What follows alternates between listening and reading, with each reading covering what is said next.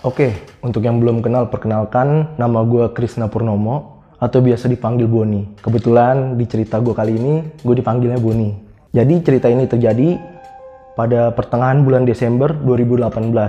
Tepatnya ketika gue dan 8 orang lainnya tergabung dalam satu tim untuk melakukan pendakian ke Gunung Semeru. 9 orang itu saya tujuh orang laki-laki dan dua orang perempuan. Anggotanya saya sendiri, Rifki, Sonya, Putri, Bang Baim, Bang Del, Alfi, dan Teguh.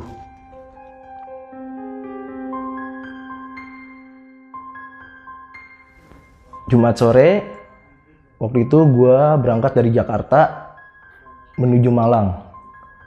Sabtu pagi gue sampai di Malang. Singkat cerita, sorenya gue sampai di Ranupani.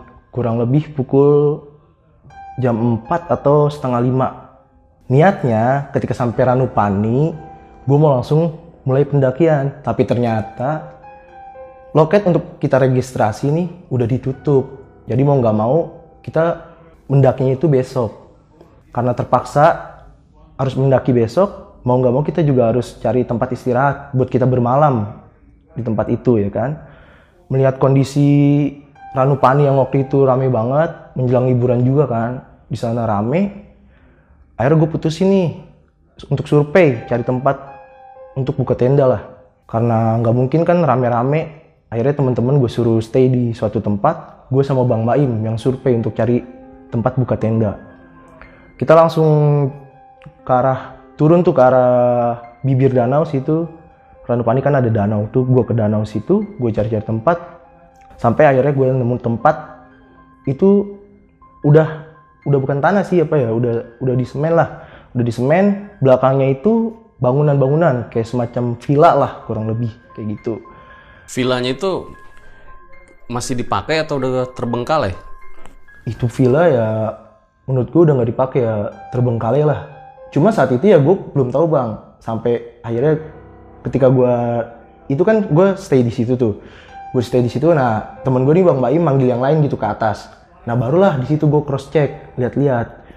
Nah gue cek nih satu villa gue longok lah ke, jendelanya.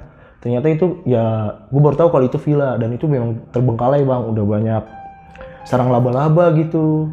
Ya nggak keurus lah udah di depannya pun kotor banget banyak daun-daun kering gitu. Kurang lebih 20 menit gue nunggu temen gue nah datanglah tuh teman-teman gue rombongan gue datang karena kondisinya juga udah mau maghrib sering waktu yang makin bertambah gelap gitu kita percepet lah buka tenda. Waktu itu gue buka posisinya tiga tenda bang. Tiga tenda.